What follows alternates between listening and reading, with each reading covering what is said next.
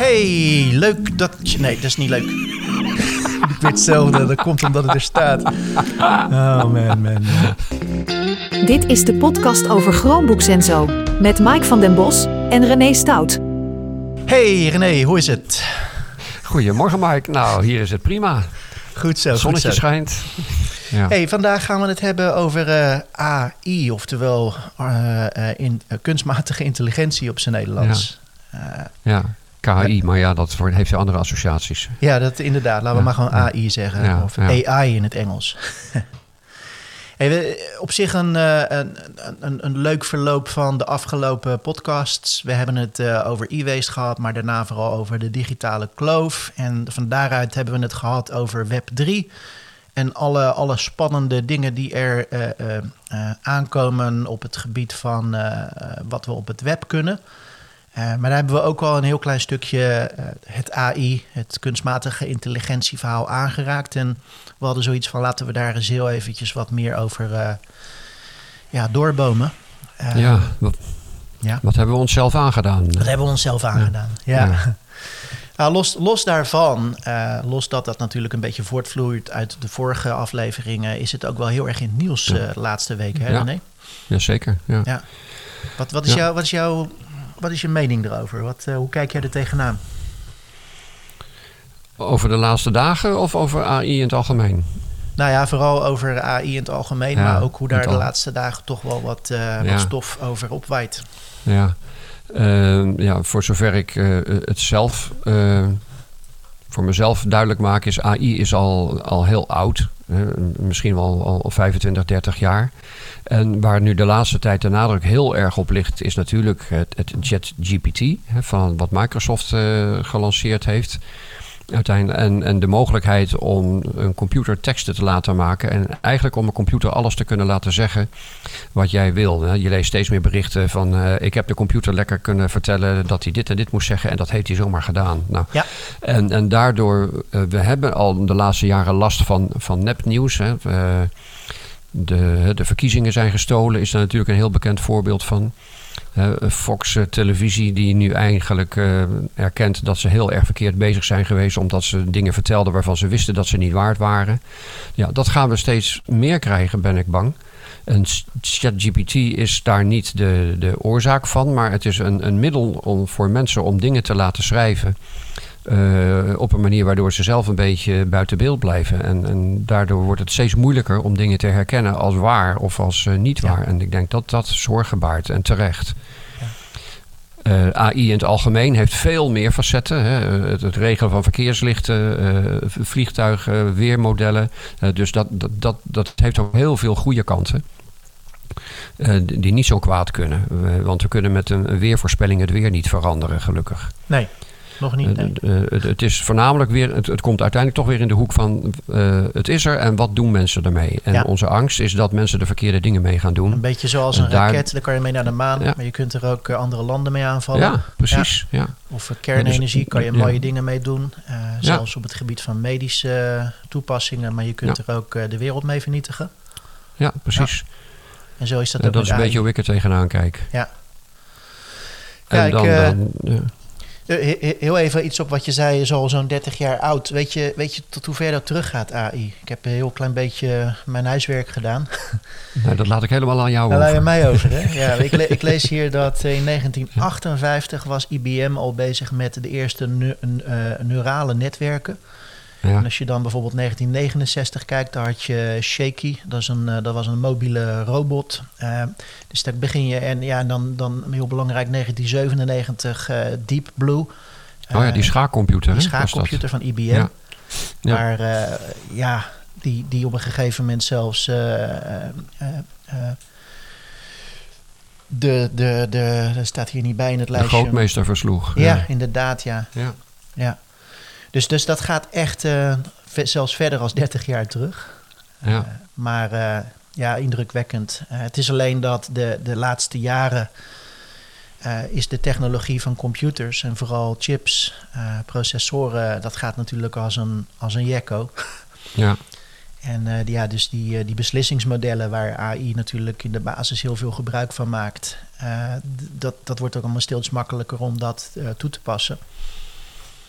Daarnaast is de, de daadwerkelijke achtergrondtechnologie van AI gaat ook steeds verder. Dus jij, volgens mij heb jij wat huiswerk gedaan en zag je dat er zeven Hm. verschillende eh, manieren van AI zijn, waar we absoluut niet Ja. op in zullen gaan. Maar Nee. ja, die technologieën staan niet stil. En ik, ik sta daar misschien iets anders in als jou. Ik, eh, ik, ik denk dat het iets verder gaat als eh, weermodellen voor het, het voorspellen van het weer. Ik ben, ik ben wel van mening dat het op dit moment zo hard gaat. Eh, er zijn zelfs al mensen geweest, er is een Google-engineer geweest, die heeft ge- gesteld dat eh, Lambda, dat is een eh, L-A-M-D-A, dat is een project van Google, die heel erg aan AI gerelateerd is, een, een, AI-computer. En een, een Google-engineer heeft in 2022, eh, eh, die is heel erg in het nieuws geweest, die heeft gezegd van, ik ben erachter gekomen dat die computer gewoon gevoelens heeft. ja, daar kun je over twijfelen. Ja. Eh, er zijn allerlei meningen over. Eh, Mhm. Maar dat, dat, dat we daar heel dichtbij gaan komen en dat het steeds harder gaat en dat er steeds meer mensen zijn die waarschuwen voor de gevaren van AI. Ik denk wel dat daar een kern van waarheid in zit. Aan de andere kant, eh, ja, je kunt heel veel mooie dingen doen met AI. En dat doe ik zelf ook. Jij, gebruik jij AI op een bepaald vlak, René? Ehm, ja, zonder het te weten, de meeste dingen. Hè. Ja. Eh, als je met je mobieltje een foto maakt, dan zit er ook heel veel Ja. AI in. Eh, het verbeteren van een foto. eh, zo nu dan vraag ik JetGPT eh, om bepaalde dingen uit te leggen. Ehm, dat, dat, dat gaat ook heel makkelijk, heel snel. Dat is absoluut sneller dan in, in Google zoeken op een onderwerp, de goede website proberen te pakken en, en daar een stuk te lezen. Dat is, dat is echt wonderbaarlijk. Ja. Ehm, ja, en, en, en verder zit het gewoon op heel veel plekken waarvan we er geen benul hebben dat het erin zit. Nee. En ehm, ja, de, die, die, die discussie van hè, eh, gaat het goed of gaat het slecht? Ik bedoel, eh, we weten allemaal eh, dat mensen ook gevoelens hebben en op basis van gevoelens goede en slechte dingen doen. Eén, Vladimir Poetin heet die geloof ik. Hmm. Waarvan ieder nadenkend mens zegt van hoe, hoe, waarom doe je dit in godsnaam? En, en hij doet het gewoon wel. En gewoon op basis van zijn gevoelens. Ja. Niet op basis van, van, van reëel denken en, en, en, en gewone normale afwegingen maken. Nee. En eh, ja, ik heb vanochtend naar een eh, podcast zitten luisteren van Chrome Unboxed over dit Ja, onderwerp. En daar hadden ze het daar ook een beetje over. Van, van, eh, kun je het een systeem aanrekenen als het een bepaalde kant op gaat? Ja, ik, ik denk het niet. Uiteindelijk zit er altijd toch weer iemand aan de knop. En nou, je hebt natuurlijk films genoeg waarvan je kan zien dat het systeem zelf de knop uitzet. Een Robocop was geloof ik ook zoiets. Hè? En, Ja. ja, dat, dat kan eh, misschien, maar ja.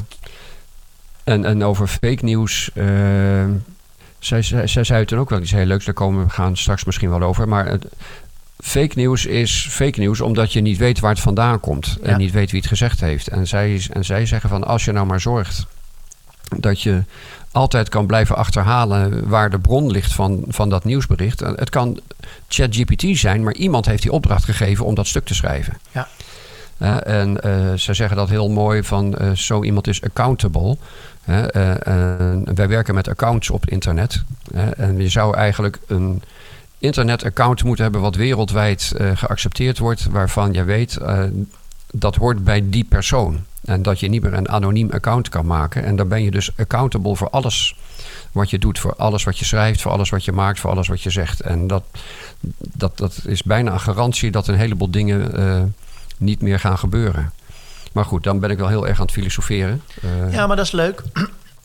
en, En, op zo'n eh, manier kunnen we dus wel de, de mensen... Want uiteindelijk is het de mens die bepaalt om er iets slechts mee te doen. Kijk maar naar alle James Bond films. Ja. Ehm, Oh, leuk. en als je kan zorgen dat de mensen een hogere drempel hebben om slechte dingen te doen, domweg omdat ze accountable gehouden kunnen worden. Dus ze kunnen zeggen van jij bent dat geweest. Hè, en daar ga jij nu voor je verantwoorden, op wat voor manier dan ook. Dat dat een heleboel mensen ervan kan weerhouden om eh, nou, eh, haatmail te versturen en, en, en rare dingen te zeggen op het internet en, en dat soort dingen. En slechte systemen te maken. Maar Ja, misschien ben ik te, te idealistisch hoor. om- Nee, nee, nee. Nou, ik denk dat het sowieso heel goed is om idealistisch te zijn. ik zie alleen ook wel altijd weer, de, de- het, het schuurt altijd zo dicht tegen, tegen censuur. Eh, in de zin van eh, de, de, de, de vrije meningsuiting. Eh, en, en Ik ben hier helemaal voor, maar ik maak me wel altijd een klein beetje zorgen over het feit van wie gaat bepalen wat jij wel of niet mag zeggen. Kijk. Nee, daar gaat het, dat, dat is niet wat ik bedoel. Het gaat erom dat je kunt bepalen wie dat gezegd heeft. Ja.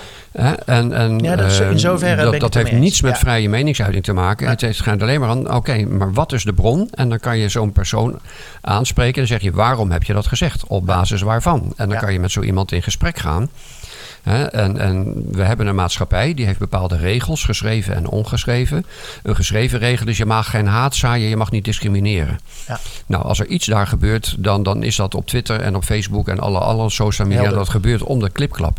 Als je op een gegeven moment kunt achterhalen wie dat gedaan heeft, dan kun je zo'n iemand ter verantwoording roepen omdat hij zich domweg niet aan de regels houdt. Het heeft niks met vrije meningsuiting te maken. Iedereen mag zeggen wat hij denkt op een manier die geaccepteerd wordt door de samenleving.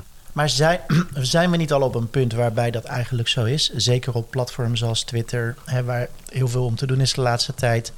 In principe maak je een account aan, ben je bekend. In ieder geval je IP-adres is bekend. Want je kunt natuurlijk een soort van uh, nep-account aanmaken. Maar als het echt gaat om, om hele ernstige uitspraken... Uh, die niet door de beugel kunnen... Uh, kunnen mensen volgens mij nu al achterhaald worden. Of niet? Ja, maar het is, dat is dan Kijk, als je ergens een recensie geeft, dan moet je in veel gevallen tegenwoordig een account aanmaken.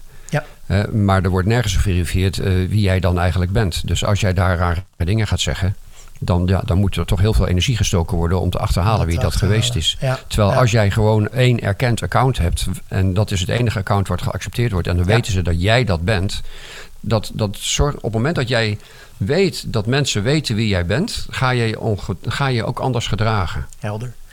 Maar René, ik, ik wil, want we, uh, dit is ja. net weer iets te ver van AI af. Ik wil terug naar het AI zelf.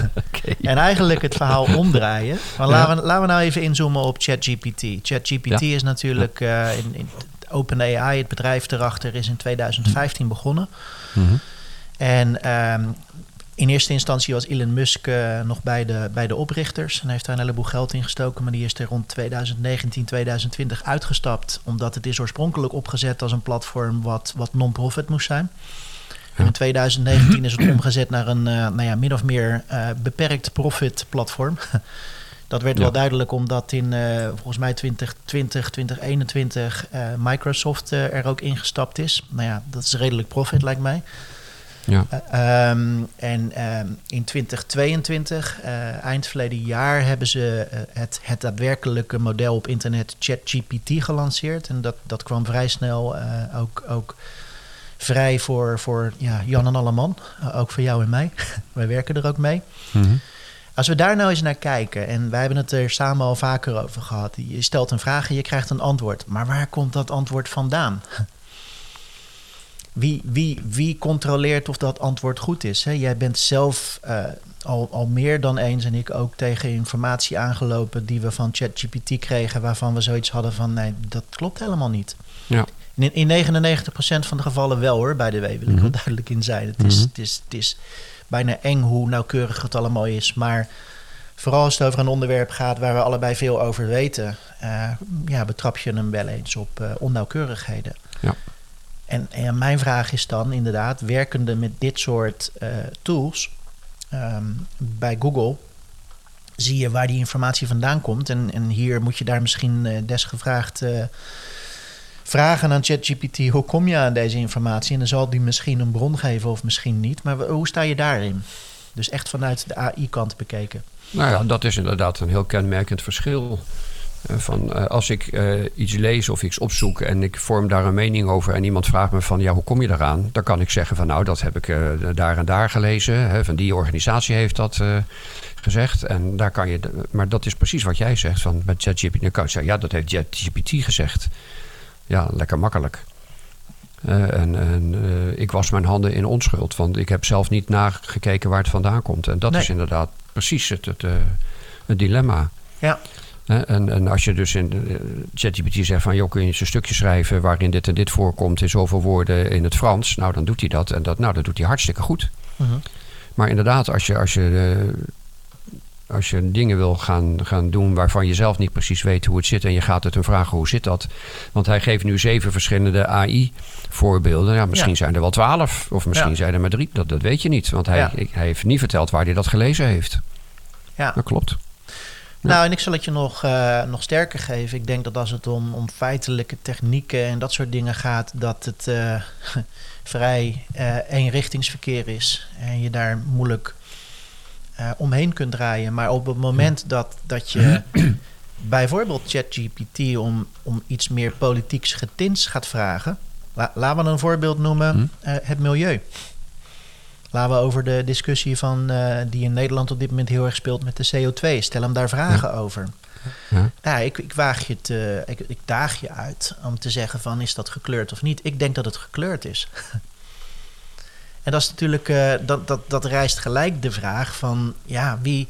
Het is een AI-model, maar er zitten mensen achter. En die mensen, en dat, daar, daar is OpenAI, die achter ChatGPT zit, ook Ja. vrij helder over. Hè, het is beperkt. Eh, ze, eh, überhaupt er zijn bepaalde eh, dingen ingebouwd. Dat als jij vraagt van hoe moet ik een atoombom bouwen, dan krijg je echt geen uitleg.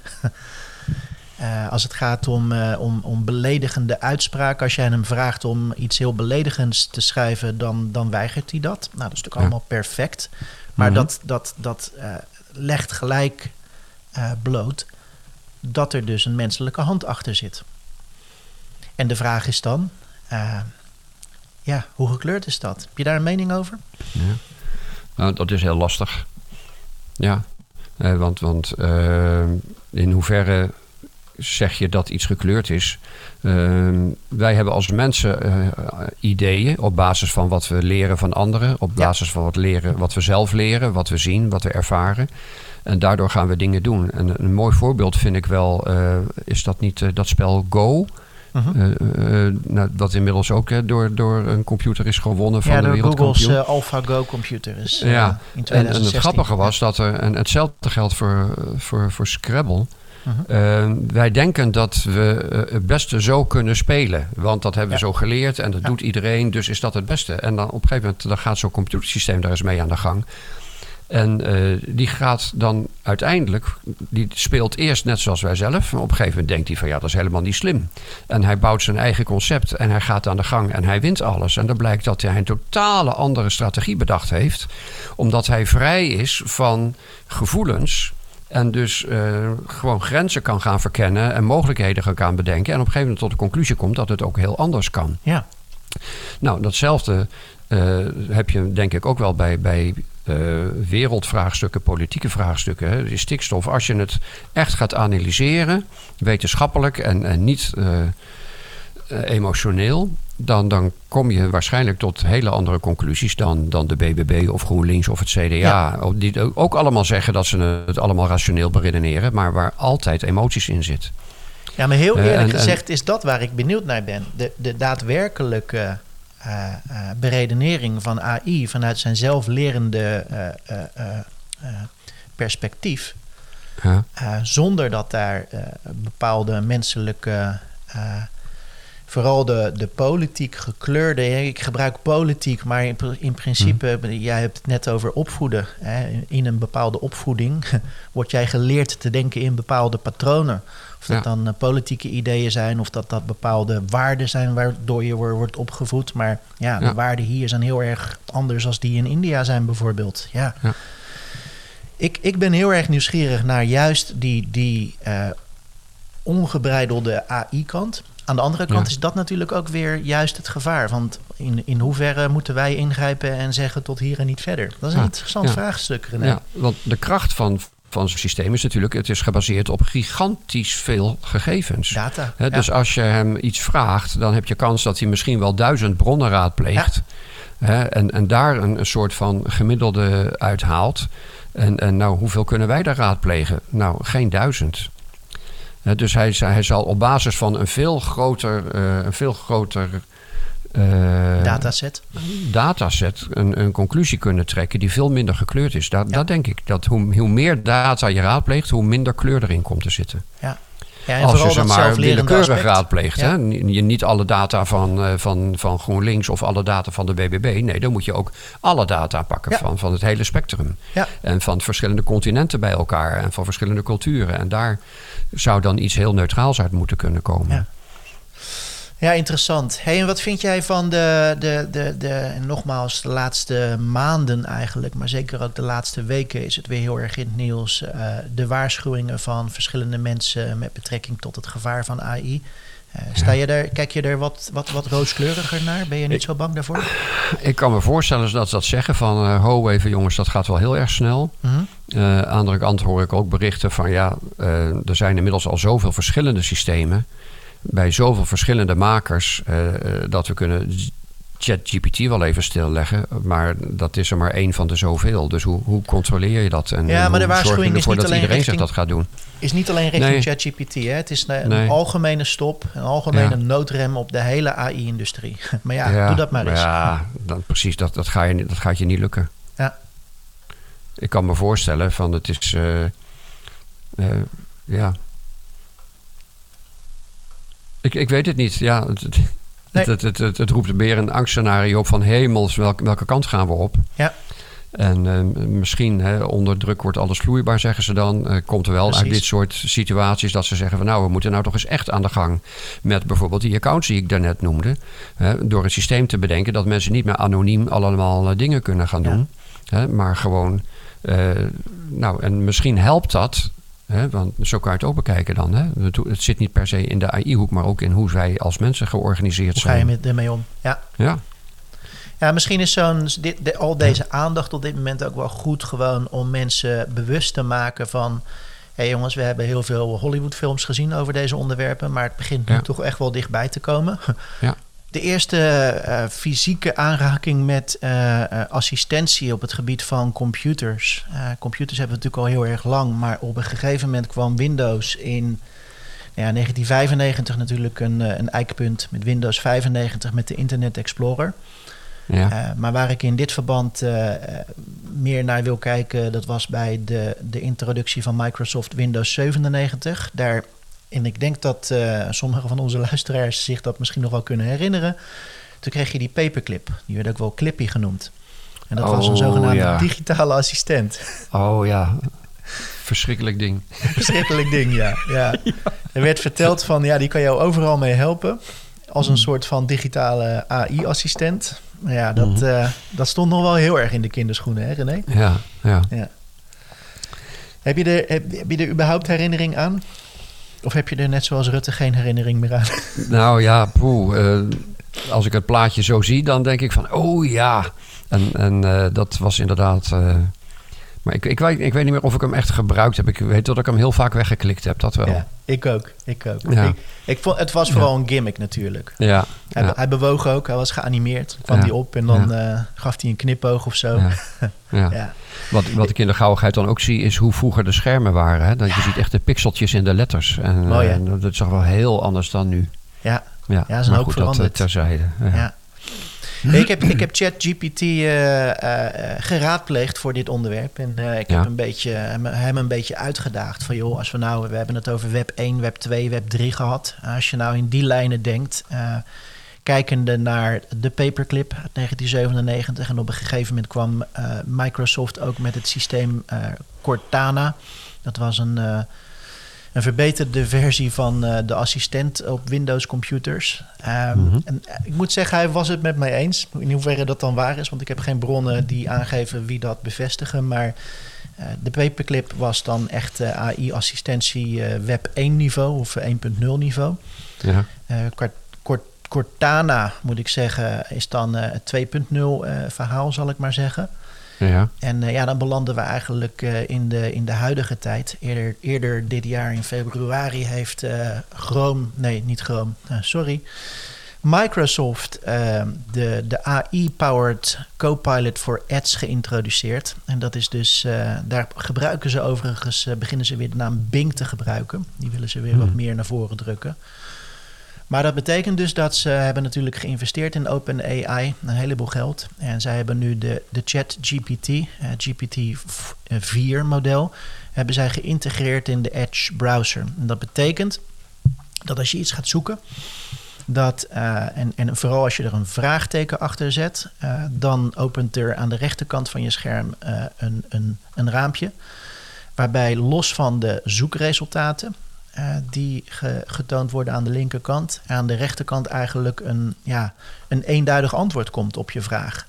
Op zich is dat een hele interessante combinatie, want eh, ik heb het zelf geprobeerd. Ik heb er ook een blog over geschreven op mijn website. Van eh, hoe maak je bananenbrood?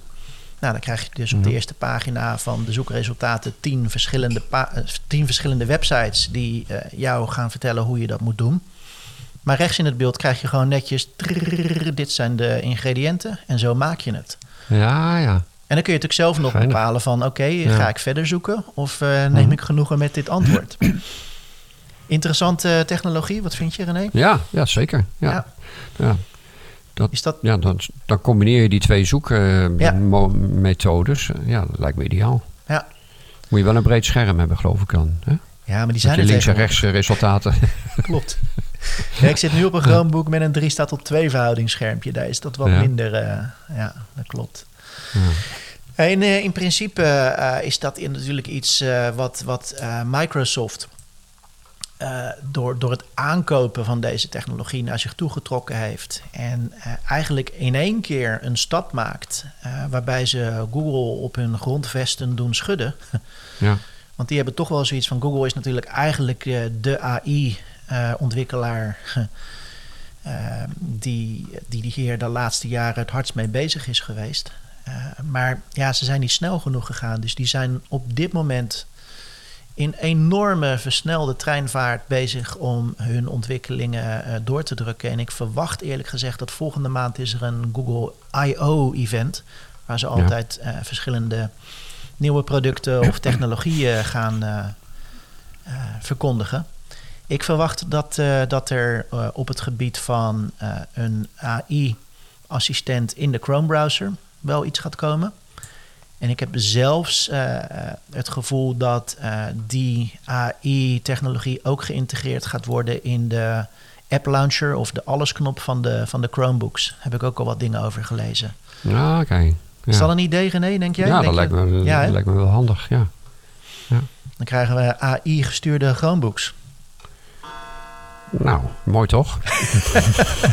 ja, maar dat, dat is ook zo'n vorm van AI, hè? Dat, doen, dat, dat predictive. Van als, als je op een gegeven moment, als je een soort van standaard patroon hebt, je zet hem aan, Ja. je kijkt op buienradar, je leest het nieuws, je kijkt je mail. Waarom zou je zelf al die knoppen in moeten drukken als, als hij kan weten van, nou ja, oh, het is eh, ergens eh, acht uur s ochtends, het is een werkdag, hij, wil, hij doet altijd dit, nou dan doe ik dat voor hem. Ja. Nou, lijkt me hartstikke makkelijk. Ja. Dan, ja. Ik zou, ik zou heel, Zet je dat in een macro, noem je dat dan? Ja. heel eerlijk zou ik ook wel willen dat... eh, we hadden het voor het op, eh, de opname van deze podcast nog even over... hoe moeilijk telefoons soms kunnen zijn. Ja. En ik had Ja. laatst weer iemand bij me met allerlei vragen erover. Gewoon een Android-telefoon, instellingen met Google Foto's. Hoe heerlijk zou het zijn als dat ook allemaal gewoon AI gestuurd zou worden? Hmm, ja. Dat je daar gewoon echt in geholpen zou worden. Want heel eerlijk, wij zitten er allebei best wel diep in eh, qua kennis. Eh, Ja. Maar als je er wat minder mee bezighoudt, dan is het af en toe gewoon echt best wel lastig, moet ik bekennen.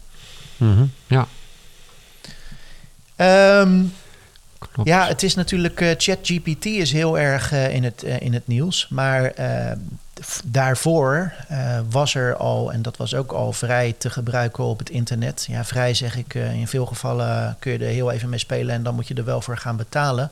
ja. Maar je hebt onder andere het platform DALI. DALI is ook van OpenAI. En je hebt ook een platform bijvoorbeeld... ehm, eh, hoe heet dat platform ook alweer? Staat het? Nou, ik kan er even niet op komen. Maar in ieder geval, dat is voor het, eh, het genereren van afbeeldingen. Heb je je daar wel eens in verdiept, René? Nee, nee. Nee? Ik, ik lees er wel over, maar ik heb het zelf nog nooit geprobeerd. Nee. Nee. Midground is dat andere platform. Oké. En eh, ik heb er zelf mee gespeeld. Mhm. Ehm, en het is mindblowing. je werkt ook daar met, met prompts. En ehm, als, als voorbeeld zal ik eventjes eh, noemen. Ik heb laatst een, eh, een blog geschreven over onze podcast. En ik denk, daar moet een leuk plaatje bij. Ja. Dus ik heb eh, de, de AI eh, plaatjesgenerator een prompt gegeven van maak een, een in de jaren 60, 70-achtige tekening van twee oude mannen. ik heb onze leeftijd opgegeven. ik heb zelf een, een baseballpetje op. en eh, ik heb allerlei eh, aanwijzingen gegeven. En dan druk je op de knop en dan krijg je vier verschillende versies. Daar kun je nog eventueel wat aanpassingen in maken. Nou, er is iets uitgekomen en geef toe René, het is toch gewoon lachen. Het ziet er hartstikke mooi uit. Ja, Ja. schitterend. Ja. Sprekend ons, vind je niet? ja, helemaal. Ja. ja. Nou, maar alleen maar om aan te geven dat de technieken zijn er allemaal. En er zijn Ja. natuurlijk heel veel vraagtekens over. eh, gaat ook dat de, de creatieve eh, wereld eh, eh, op zijn grondvesten doen schudden? Moeten mensen Ja. vrezen voor hun baan als jij tekenaar bent of creative artist of dat soort dingen? Ja. Ik ben van mening dat dat wel meevalt. Dat er heel veel gaat veranderen in die wereld, ja. Ja. Maar ik denk dat is, je- ja. Nee, zeg maar. Nou, dat, dat, dat hadden ze vanochtend ook over met die podcast. Ze, zei Ja. van, eh, ze zeggen van ja, alle programmeurs kunnen de deur uit, want iedereen kan nou zelf PHP-code laten genereren. Ja. Nou, nou, nou, zo ligt het niet helemaal, want je moet wel weten wat je dan moet gaan maken. Hè. Dus de, de, dat is precies wat jij net ook zei: van eh, een programmeur die kan dan de opdracht geven, schrijf een, een stuk code waarin dit en dit en dit en dit gebeurt onder die en die en die voorwaarden, zo en zo vaak. En dan doet hij dat. Maar als je die opdracht niet kan geven, ja, dan komt er ook geen code uit. Dus de programmeurs die, die bedenken de opdrachten. En het, eh, het gedonder met typfouten en, en, en een punt komma vergeten en een streepje verkeerd, dat, dat kunnen ze overslaan. Want daar maakt dat soort GTP voor een fatsoenlijk stuk code. Nou, ik, En ik, dat is het verschil. Ze kunnen veel meer hun echte werk doen, namelijk eh, de, de, de, de, de software eh, ma- ba- eh, ontwerpen, eigenlijk, moet ik zeggen. eens. Ja. Nou, en ik, ik ben het met je eens dat er, wat mij betreft, eh, ruimte blijft voor programmeurs die de regie hebben. Ja, absoluut. Ehm, maar ik denk ook wel dat je een klein beetje onderschat wat eh, ChatGPT kan. Eh, want ik ben ook daar zelf mee bezig geweest. En ik heb voor mijn eigen website gewoon als een testje gezegd van... luister, ik wil een, dat, je iets, wat, dat je wat code schrijft... ja. Waarmee ik eh, je een, een, een lijst, een dataset geef van eh, expiration dates van Chromebooks met bepaalde types. Mhm. En dan wil ik dat je een, eh, een, een, een, een, een, een veld maakt waarin mensen kunnen typen welke Chromebooks, of in ieder geval dat ze kunnen kiezen welke Chromebooks ze hebben. Ik heb het vrij simpel Mhm. gehouden. ja. En als ze dat dan kiezen, dan wil ik dat je zegt van tot wanneer ze die Chromebook kunnen gebruiken en tot wanneer ze updates in ieder geval krijgen. Mhm. Ja, dan krijg je dus de code. En dan zie ik die code en denk ik van leuk, dat heb ik nog nooit gedaan. Ik werk met WordPress. dat, eh, dat, dat, dat is allemaal. eh, eh, daar, daar schrijf je in principe geen code. ja. Dus toen zei ik van oké, leuk deze code, maar wat moet ik hier nou mee? Dan gaat hij je vervolgens uitleggen van nou, dan moet, je er eens even, dan moet je dat in een bestandje zetten. Dat bestandje zet je op die plek en dat combineer je in WordPress op die manier. Nou, dan ga je dat proberen. Dan loop je natuurlijk tegen bepaalde dingen aan. Dan ga je weer terug naar ChatGPT van ik doe dit, maar het werkt niet. Dan krijg je weer uitleg.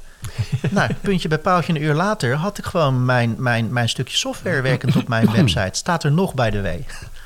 Verborgen, maar het werkt. Mhm. Dus dat, dat mensen, eh, eh, eh, programmeurs of, of website developers zouden kunnen omzeilen, dat is gewoon een feit, René. Ik denk dat, de, de, de, dat, dat website developers in dit geval waar we het over hebben, maar je kunt het ook over creative artists hebben. Het maakt niet uit waar je Mhm. het over hebt. Ik denk dat er plaats Ja. blijft. Ik denk alleen dat ze zich wel heel erg moeten realiseren dat die wereld verandert. En dat er mensen zijn die dit gewoon. Maar dat, dat was hetzelfde met web- website developers. Dat je op een gegeven moment platforms kreeg waarbij je met een paar klikken een website kon bouwen. Ja. Toen was er ook sprake van, oh, de website developers kunnen wel de wereld uit. Dat was ook Ja. niet waar. Nee. Nee. Want dit, dit, dit doe jij en ik, dit testen we uit. En er zijn heel veel mensen die dat uittesten. Maar nog steeds is 90, 95 procent van de wereld... sorry eh, om een beetje lelijk te doen... maar te lui om iets uit te proberen. Ja, absoluut. Interessant. Ehm, even kijken, is er nog iets anders... ehm, wat we kunnen bespreken in dit daglicht? Ja, het enige wat ik, eh, wat ik, eh, wat ik nog heel even wil, wil meenemen is. ehm, volgens mij was het in februari dat Microsoft dit dus lanceerde in hun Ja. Edge browser. Kan iets Mhm. later zijn. Ze noemen het de AI-powered Copilot eh, in Edge. We hebben het er net over gehad. Ja. Ehm, ik denk wel, de- tijdens de presentatie hadden ze een, een soort van grafiekje.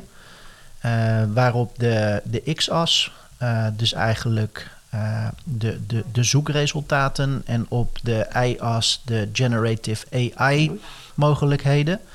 En daar Ja. hadden ze dan allerlei plaatjes. En eh, op, de, op de x-as vooral helemaal aan de rechterkant eh, de, de, de Yahoo, de YouTube, de Google, de Amazon-achtige platformen. En dan op de y-as naar boven toe de wat meer eh ChatGPT, Jasper, dus echt de AI-platformen. Ja. En dan, als je dan helemaal in die grafiek naar rechts gaat en helemaal naar boven, dus helemaal rechtsbovenin, daar staat dan Ja. met grote letters Bing. ja. En dat doet mij erg heel denken erg. aan een ander plaatje. dat doet mij heel erg denken aan een plaatje van eh, de, de aankondiging van de iPhone ja. met Steve Jobs. ja. Ehm, en ik denk dat ze daar een hele slimme stap mee gemaakt hebben. Ze positioneren zichzelf als de oplossing. ja, tuurlijk. Ah. Dat zou ik ook doen. En, en ik denk dat, ze, dat, ze, dat, dat het een slimme stap was of dat ze deze strijd gaan winnen. Eh, je ziet daar heel veel van op internet en in YouTube-video's dat, dat dit het einde van Google is. Nou, ik denk niet dat dat het geval is. Ja, geloof ik niet. Nee. En ik denk nogmaals, Google heeft volgende maand een, eh, een, eh, hun jaarlijkse I.O.-event. ik, ik verwacht daar wel wat vuurwerk. Jij? Ja, we- Zijn, zijn we benieuwd? ja er- zijn signalen genoeg. Ja? Eh, ja. We, la- we lazen, gisteren waren we nog even aan het chatten met elkaar. En er is een project Magi. Niet Ja. Magie en niet Magic, maar Magi. Nee, M-A-G-I. Waar ze die woorden... Het zijn altijd vier letters Ja. bij eh, Google. Het is Bert of Bart of Magi. Ja. Maar het project Magi is dus eigenlijk het project blijkbaar... waarmee ze op de achtergrond bezig zijn... om die AI-assistent te gaan integreren in de, in de, in de Chrome-browser. En Datgene Ja. wat, wat, wat, wat Microsoft dus eh, inmiddels al gedaan heeft. Mhm. Maar ja, wat mensen vergeten als Google dit eh, nu nog even snel inzet. het aantal mensen wat Chrome gebruiken is ongeveer, weet ik veel, 70, 80 procent wereldwijd. ja, die stappen niet zomaar over allemaal. Die stappen niet zomaar even Nee. over. Maar dat Google Nee. snel moet schakelen is wel duidelijk, toch? René? Ja. Ja, dat denk ik ook wel, ja. Ja. Dus durf je een voorspelling te maken? Gaat er iets gebeuren volgende maand? is leuk altijd, voorspellingen doen. Ja, de wereld zit vol voorspellingen, jongen. Ja. Kom op René, durf. nou, laat ik het dan doen. Nou, ik, denk wel dat ze komen. Bart Ja, heet die. hè? Ze hebben toch een Bart ook, of niet? Google? Ja, dus, is- och, maar ze hebben zoveel. Dat Lambda-model, Ja. Bart, Bert. Ja. Weet, ik wil ook allemaal niet in de details gaan. Project Magie. Nee, maar ik, ik, ik heb geen flauw idee hoe de wereld er over een half jaar uitziet. Nee, ik ook niet. Nee, Ja, nee. ja. Nou, ik heb geen flauw idee, maar ik durf wel een, een, een voorspelling te doen. En zelfs eh, eentje van eh, volgende maand. Ik ben, ik ben eh, van mening dat Google tijdens dit event eh, in ieder geval... Ik durf niet te zeggen dat ze het al gaan introduceren. Want Google staat ook wel heel erg bekend om toch wel voorzichtig te zijn. Ja. Dus ze doen niet zomaar wat, dat zeg jij ook heel vaak. Ja. Daar zit natuurlijk iets heel goeds aan. Maar ik denk wel dat ze gaan eh, minstens gaan voorspellen dat voor het einde van het jaar eh, de integratie in de Chrome browser en misschien zelfs in Chromebooks. Ik denk wel dat dat ook met naam genoemd gaat worden. Ja, Dat die voorspelling volgende maand tijdens dat event eh, gaat plaatsvinden. ja ben dat er denk heel ik erg ook wel. naar. Ja. Ja. Oké. Nou, nog wat aan toe te voegen? Eh, nee, eigenlijk niet. Mooi. Nee, er zijn zoveel onderwerpen. Laten we het gewoon maar hier even bij houden. Ja. Ja. Ja, ik denk dat dat misschien Ja. op een, eh, als een final note wel, wel iets is. En daar hadden we het Mm. bij de, de, voordat we de op- podcast gingen opnemen ook samen over gehad. AI is zoveel omvattend. Ja, eh, dat al, al, al praat je er een uur of twee uur over, dan raak je nog maar de oppervlakte aan. En we hebben Ja. ook heel bewust gekozen om hier niet de diepte op in te willen gaan. Want er is zoveel gaande en het is zo Ja. complex. dus ik vind het heel interessant. Hè, en eh, ja, ik blijf, ik blijf van mening. Er, er, er komt ook heel veel goeds uit. Hè. Ehm, Juist. Ik, ik, ik, ik- het schiet me te binnen. Er is een, eh, een, een appje, Odd Spot heet dat. ODD en dan Spot, S-P-O-T. Dat is eh, Engels voor een vreemd plekje. Dat kan je gewoon installeren op je laptop of op je mobieltje bedoel ik, op je smartphone. En eh, dat is bedoeld om eh, te kijken als jij een raar vlekje op je huid hebt, een moedervlek, die weet ik wat allemaal, dan kan je daar een foto van maken in die app. En dan gaat die app, die vertelt je dan hoe groot de kans is dat het eh, kwaadaardig is of goedaardig. En hoe eh, en adviseert je dan al of niet om toch eens gehoord, de- ja. naar de dokter Ja. te gaan. Nou, dat ding dat, dat staat al jaren op een mobieltje. Ja. Dat, dat is geloof ik al vijf, zes jaar oud. Nou, in feite is dat ook een soort van AI. Ma gebruik maken van hele grote aantallen analyses eh, en, en, van die, die door artsen en, gemaakt zijn. Ja. Eh, en en een, een, arts kan nog zo goed zijn, maar hij heeft niet een beeld van, van, van alle, alle mogelijke kleuren, vormen, structuren, om dan te zeggen: oh, dit is dat en dit is dat. Eh, en, en door heel veel data met elkaar te vergelijken, kan je zo'n programmaatje dat dan eh, wel laten doen. Ja, en toch, het, het blijft zo moeilijk. Als ik het nu zou zeggen, ik vind dat soort apps eng. ik vind het sowieso Mhm. eng om medische dingen op het internet op te zoeken. Ik ga liever naar een dokter. Maar ik ben het tegelijkertijd ook wel mee eens dat een dokter niet alles kan weten. Ja. Dus ik zou het liefste dat mijn dokter, die daarvoor geleerd heeft, voor die richting, Mhm. Ja. wel de beschikking zou hebben over zo'n ontzettende grote dataset. En dat die Ja. zich eigenlijk... Ja, dan krijg je toch wel weer een beetje integratie tussen AI en mensen. Ja. En dat is ook waar, waar het wel e- eng begint te worden. Want we, we hadden het net over Elon Musk. En ik ben er over het algemeen eh, best wel...